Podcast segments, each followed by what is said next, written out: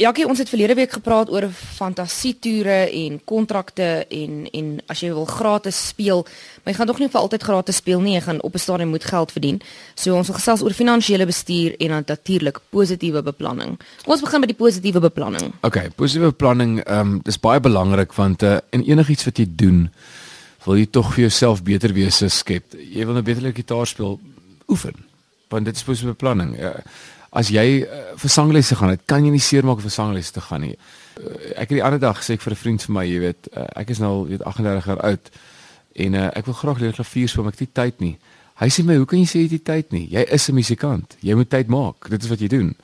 So ek het jy moet self positief beplan en ek het oor die fantasie toer ook gepraat. Jy jy moet jouself altyd dink, hoe gaan ek hier uit beter afkom? Hoe gaan ek 'n superster word?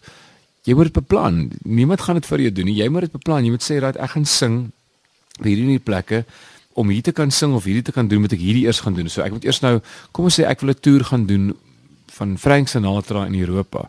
Dan moet ek gaan swat. Wie was hy gewees? Wat het hy gedoen? Hoekom het hy gesing wat hy gesing het en hoe het hy gesing en al daai klas van goed. So positiewe beplanning is een van die belangrikste goeters. Jy moet positief wees in jouself en glo in jouself natuurlik. En natuurlik ook as jy toere goed reël, jy moet jy moet uh, weet wat jy doen. Jakkie finansiële bestuur. Yes. Wie moet hoe moet jy dit bestuur want weer eens daai die emosionele musikant kom tevore. Ons weet musikante weet nie of kunstenaars weet nie altyd hoe om hulle finansies te bestuur nie. Jy maak nou goed geld, môre het jy nie geld nie, tog wil jy eendag op 65 dalk aftree.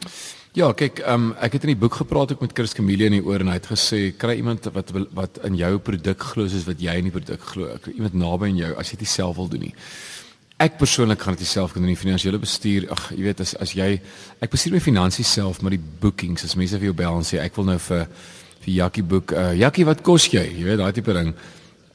Ek weet nie, ek is nie 'n stripper nie. so, my vrou doen my goeders en dan ek bestuur intern die finansies van die huis, jy weet die belasting en die medies en alle goeders. Ek bestuur dit, ek's goed daarmee, maar die plek waar die inkomste verdien word is maar op die foon waar die foonlyn die mense bel ons vir Jakkie bespreek. Dit doen ek self nie. Ek is nie 'n verkoopspersoon nie. Ek kan dit doen nie. So dit dit is bitter belangrik. Ek dink baie van die musikante wat by die huise wat nou luister hierso wat dit dalk nie finansiëel gemaak het om musiek nie wat dalk nou iets anders doen sal met my saamstem. Jy moet absoluut as jy sê jy doen dit vir die liefde van die saak, ek is bitter jammer jy is verkeerd.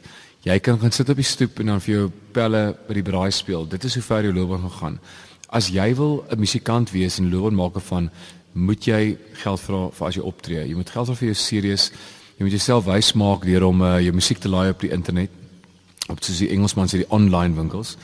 Um iTunes die goeders doen dit daar en verkoop jy musiek, kry jy inkomste, bestuur jou finansies reg. Ek meen uh, soos ek hier sit, ek's musikant. Ek het my medies, al my goedes agter mekaar, jy weet. Ek het 'n familie. Ek meen as ek môre weg is, wat gebeur met hulle? Jy weet, ek sing vir 'n lewe die dag wat jy ophou werk hou jy op geld verdien jy, jy kan nie so wees jy moet jou jy moet jou geld spaar jy moet jou goeders reg doen. So vandat ek kan onthou man ek was 'n jong musikant gewees en ek het mos gesê ek het 500 rand op 'n stadion verdien om om op te tree. En ek onthou die ander musikante wat ook die vir dieselfde geld speel het hulle het so my aand help van die geld uitgekeier en dan het hulle eens genoeg geld vir 'n pakkie snare vir die volgende vertoning nie. Ek het al my geld teruggehou gespaar en gespaar en gespaar tot ek later miskien 4 of 5000 rand gehad het en ek het vir my 'n beter gitaar gekoop en ek gespaar en gespaar ek 'n nuwe speaker gekoop. So jy moet altyd jou geld oppas, dit is baie belangrik.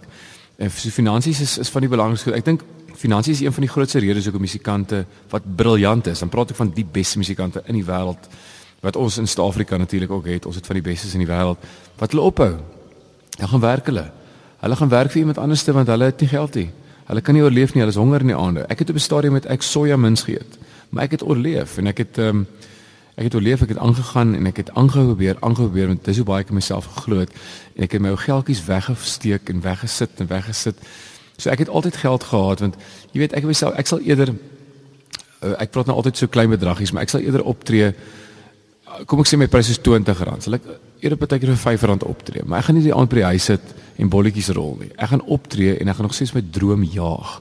En dis wat finansiële beplanning is. Jy moet jou droom jaag, jy moet geld vra as jy optree en as jy 'n boek skryf en as jy 'n DVD of 'n serie of 'n ding maak, verkoop dit aan die mense. Moet dit nie weggee vir mense nie. Jy het hard gewerk aan.